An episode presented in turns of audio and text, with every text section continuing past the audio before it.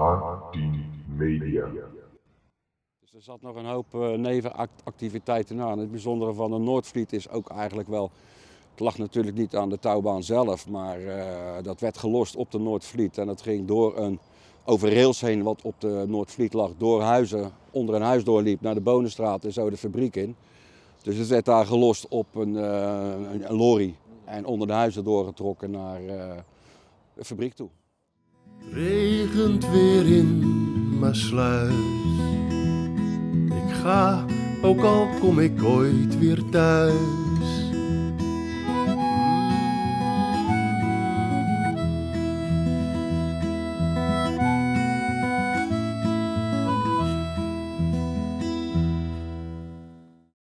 Hallo allemaal en welkom bij een nieuwe aflevering van de Mesluizen podcast. De podcast waarin al het bijzonders in en uit Mesluis besproken wordt.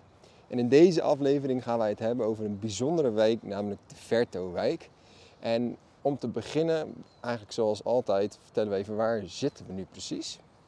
We zitten uh, aan het randje van Vetto uh, 1 wijk in het Oleanderpark. We kijken uit op het water en op de eerste bebouwing aan de achterkant van het water van Vetto 1 wijk.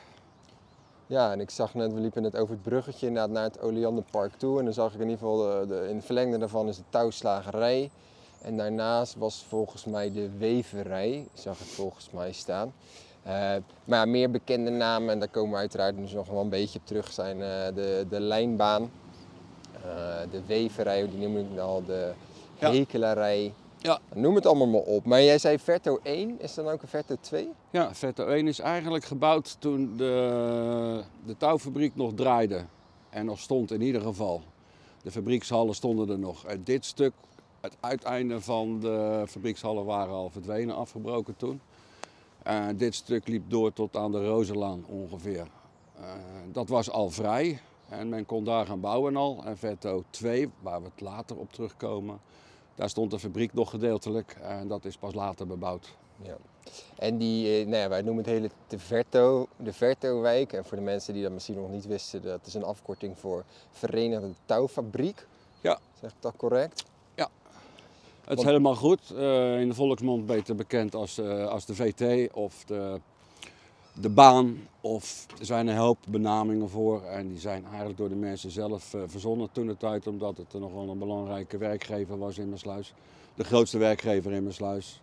Dus als je een baan had, op de baan, dan is iedereen waar je het over had. En ze hadden het niet over de touwslagerij of de Verenigde Touwfabrieken, maar dat is wel de officiële naam. -hmm.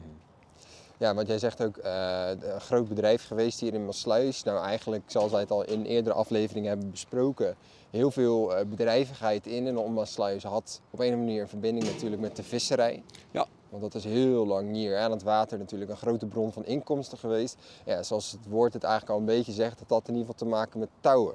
Ja, touwen en dat is, uh, ja, ik kan eigenlijk wel vanuit gaan van het ontstaan van uh, Maasluis, waar we het eerder over gehad hebben in de jaren 13, 14, 1500 en dergelijke. Veel visserij.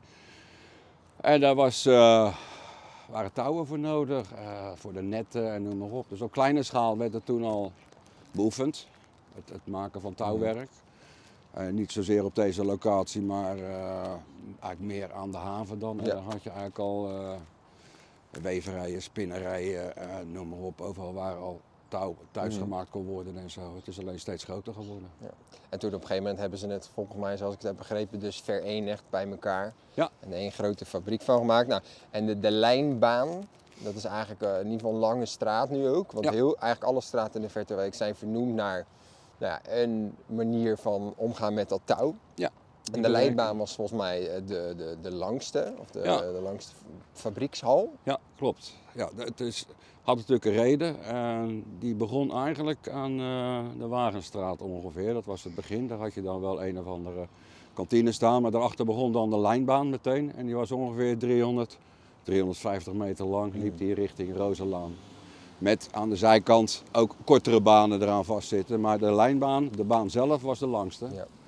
En het was een aardig, uh, aardig lang ding. Ja, die touwen, die, de bedraden die daar gemaakt werden, werden in elkaar gedraaid. En die hadden een lengte van, daar praat je dan over een paar honderd meter. Maar die waren dan ook meer voor de sleepvaart bestemd en voor trossen te maken en dergelijke. Ja, die trossen die waren natuurlijk gauw een paar honderd meter lang. Dus die lengte had je nodig voor de om een lijnbaan. goede, goede touw te maken. En de lijnbaan in Maasluis is dat een redelijk bekende straat. Met een verwijzing dus naar, de, naar die, die, die vissersgeschiedenis. Maar ook in andere steden, vissers, grote visserssteden zien we die naam terug. De lijnbaan in Rotterdam is daar natuurlijk een bekende van. Ja. Eh, de Lijnbaansgracht in Rotterdam, of in Amsterdam moet ik even goed zeggen, heeft ook naar betrekking met natuurlijk de Ja. geschiedenis van de touwen. Ja. Ehm, maar nou ja, jij zegt ook, eh, op een gegeven moment is dat natuurlijk ontstaan. Eh, en ik heb begrepen in ieder geval dat de familie van der Lely daar een hele grote rol in heeft gespeeld. Ja, dat was een grote aanjager en dat, komt, dat gaat ook wel redelijk ver terug in de tijd. Een van de, van de ladies is de tijd eh, vier jaar lang, zes jaar lang denk ik, burgemeester geweest in Maasluis. Hm. Die was ook een aanjager om een andere fabriek, een gasfabriek op te starten in Maasluis voor de verlichting te voorzien van gas, steenkoolgas toen.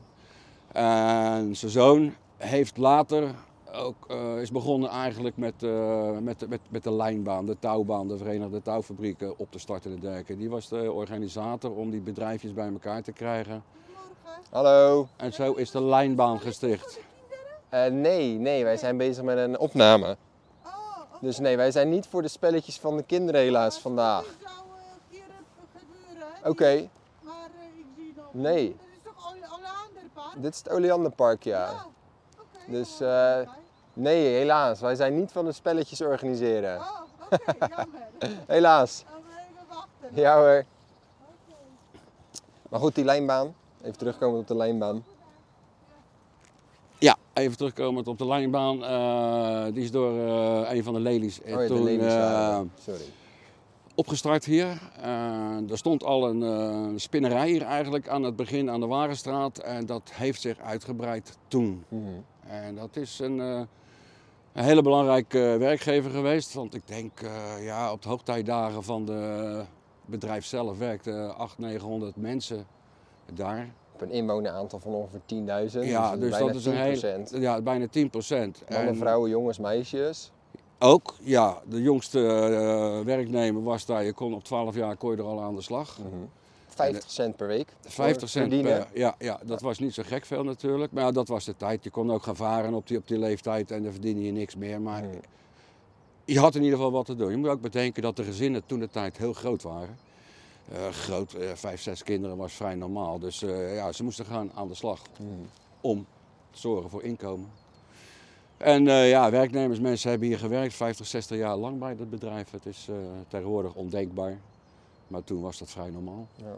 Hey, En die, die familie van de Lely, we hebben dat ooit wel eens eerder uit proberen te zoeken, maar voor zover we hebben kunnen zien, zijn de huilige van de Lely's van het grote de Maasluise agrarische bedrijf niet echt direct verwant aan toen de tijd burgemeester van de Lely of zijn zoon die de Nee. Verto of de Verenigde Touwfabriek heeft gesticht. Nee, nee, nee. nee, Ondanks dat dat nog steeds natuurlijk wel een redelijk bekende naam is in de hedendaagse, of de hedendaagse Maasluis en ook in de geschiedenis. Want we hebben het wel eens gehad over de, de, de bierbrouwerij van de Lely aan het eind van de Ja. Prinsenkade. Ja. Die was volgens mij wel verwant aan de, de, de burgemeester van de Lely toen de tijd.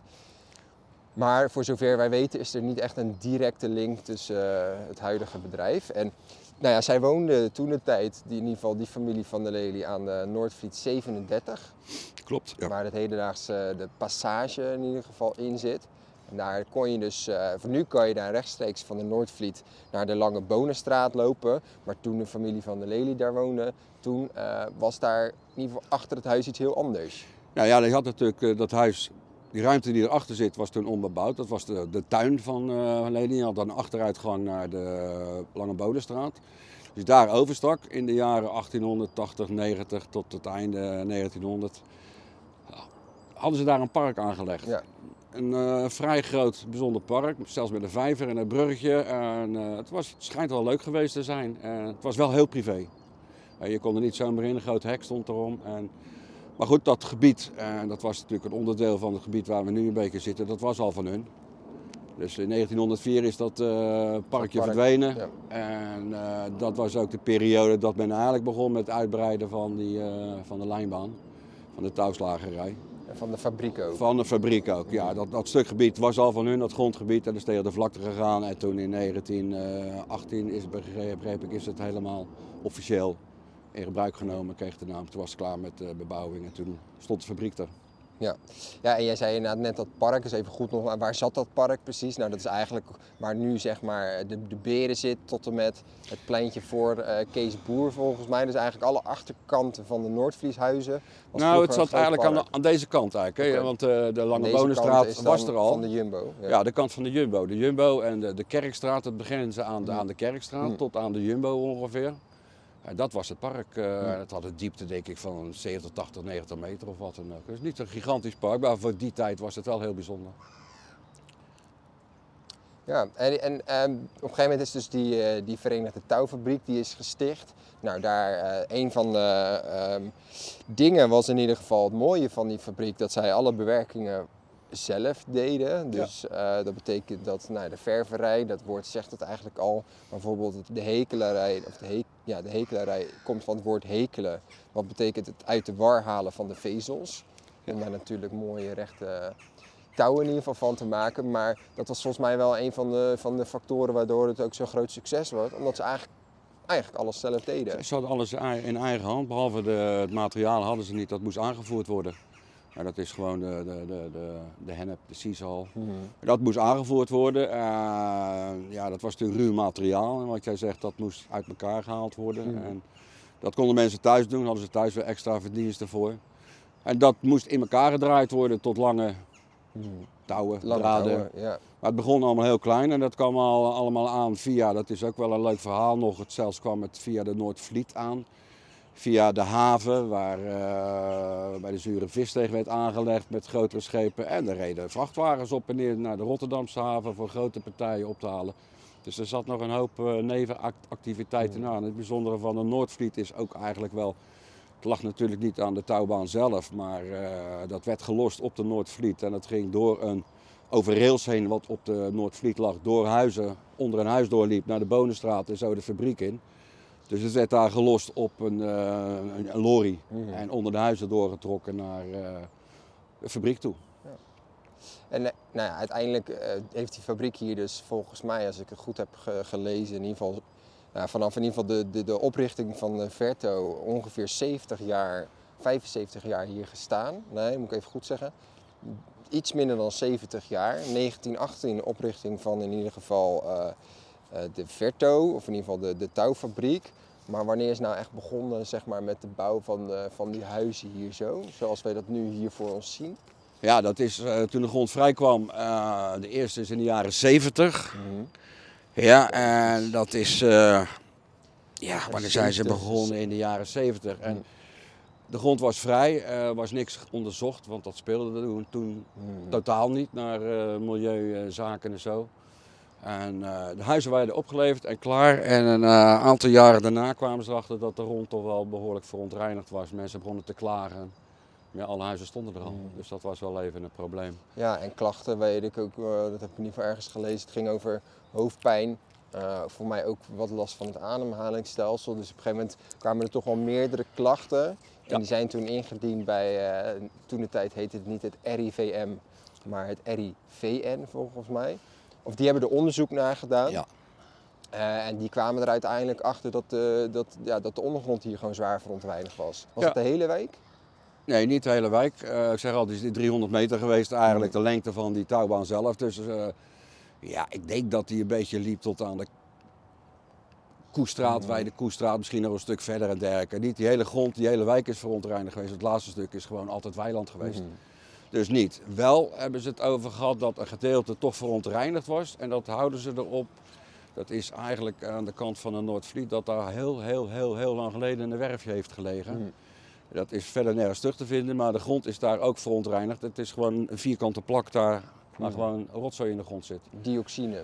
Nou, het gaat verder terug en dan praat je denk ik over 17, 1800 tot daar zo'n klein werfje. Aan de overkant heb je daar ook zo'n werfje gehad van, eh, voordat ze naar het eiland gingen, eigenlijk dat schans toe.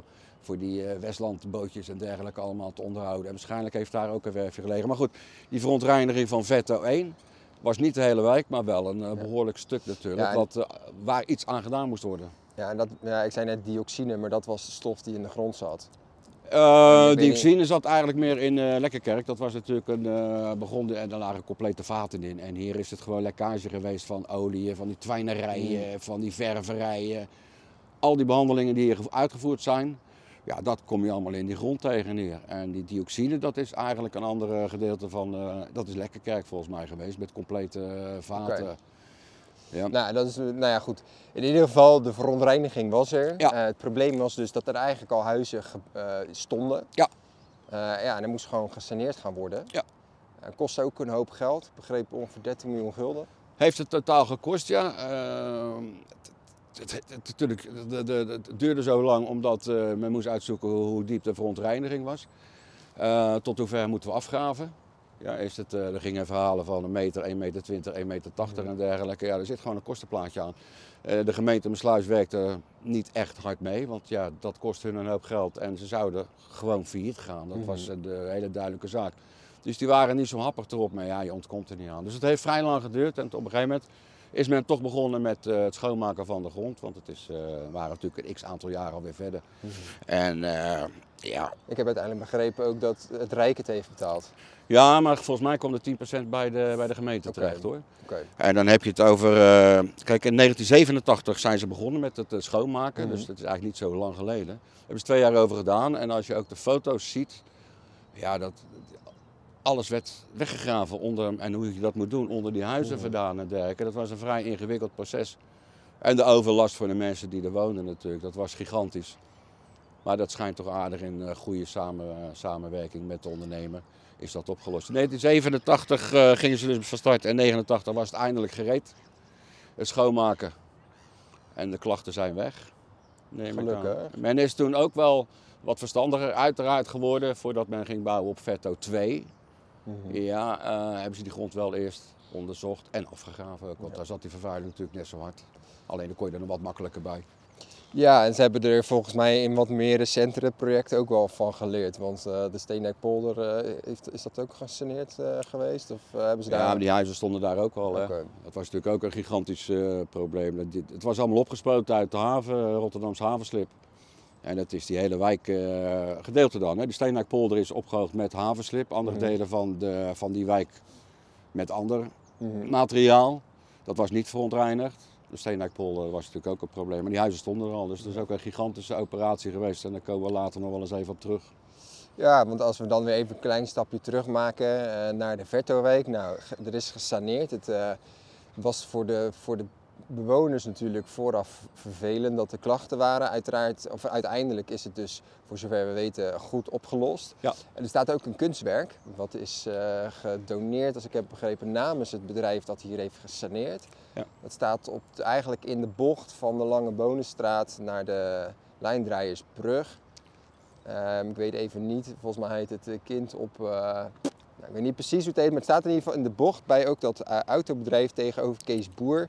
En je ziet daar best wel vaak ook mensen even zitten. Ja, dat is dat bankje wat eromheen zit. En er zit een bankje omheen en de mensen zitten ook op. Veel leerlingen van mijn school ook even een hamkaascroissantje als ze naar de Jumbo zijn geweest. Maar dat is dus ja, ook voor de bewoners namens dat bedrijf. Eh, volgens mij heeft het feit dat er iemand bovenop ergens rustig zit, zodat, omdat er nu weer rust is. Zo heb ik het in ieder geval even begrepen. Ehm, maar dat was ook ter afsluiting in ieder geval. En nu wonen mensen er dus al Ja. ruim 30 jaar, denk ik, met veel Ja. plezier. En Vetto 2 ook natuurlijk. Hè. Dat is men eh, begonnen te bouwen toen het allemaal schoon was. En eh, het is ook een mooi eh, deel van mijn sluis geworden. En Verto 2, welke is dat ook precies? Vetto 2, nou ja, dat begint hier eigenlijk bij dat andere kunstwerk wat hier in, in het water staat. Naar, en dan hier vandaan naar, Oh, naar ja. de Wagenstraat. Naar de Wagenstraat, ja. Dus Ja. eigenlijk tussen het Oleanderpark en ja, de Wagenstraat. En de Wagenstraat in. En dan lijkt mij dat eh, mooi eh, om hem in ieder geval mee af te sluiten. We vergeten nog een één stukje kunstwerk We natuurlijk, vergeten wat er nog staat. hè. Oh ja, ik zie Ah. hem inderdaad vanaf hier. Dat is natuurlijk wel, eh heb het wel eens over wat is er eigenlijk van overgebleven van die hele fabriek. Het is een gigantische impact gehad, hè, Mhm. dat hele bedrijf op Maasluis voor heel veel jaren. En het is verdwenen, maar goed, we hebben de Vetto-naam nog natuurlijk. We hebben eh, de verontreinigde grond in negatieve zin, dat er altijd een hoop mensen bijblijft. Mhm. Maar we hebben nog een kunstwerk in het water staan. Dat is een overblijfsel uit eh, die, eh, die touwfabriek. Die werd op een gegeven moment ontmanteld en alles werd verkocht. En een aantal dingen werden, konden niet verkocht worden omdat ze groot waren, zwaar waren of totaal niet interessant. En die zijn tijdelijk opgeslagen geweest bij de gemeente, buiten opslag. En eh, na een aantal jaren wilde men toch iets, en nog, nog een kunstwerk maken. En men zag nog wat staan daar, maar het was zo verroest en verrot. Eh, die kunstenaar, meneer Vassier, heeft daar een aantal onderdelen uitgehaald. En daaromheen heeft hij dat kunstwerk eh, gemaakt en dat is de baan Wagen. Dus dat is een wagen die gewoon de hele lengte over die touwfabriek reed en draden eruit haalde en de, draaide, de draden in elkaar draaide, waardoor je een grotere streng kreeg of een tros kreeg of wat dan ook. Dat kunstwerk staat hier nog in, eh, in de vijver het, eh, bij- aan het eind van de Oleanderpark hier. Dus ja, ook de, dat is misschien nog wel voor de mensen die denken, nou ik ga er toch nog eens even naar kijken. Eh, er staan twee kunstwerken die dus echt nog een connectie hebben met eh, nou, het oude verleden, zowel de het positieve verleden als wellicht dan even het negatieve verleden. Dus komt dat zien, om het maar even zo te zeggen. Ja, komt, eh, komt er gewoon. Nou ja, ik denk dat veel mensen er gewoon dagelijks langs fietsen en het misschien niet weten waar het vandaan komt of wat het voorstelt. Nou, bij deze.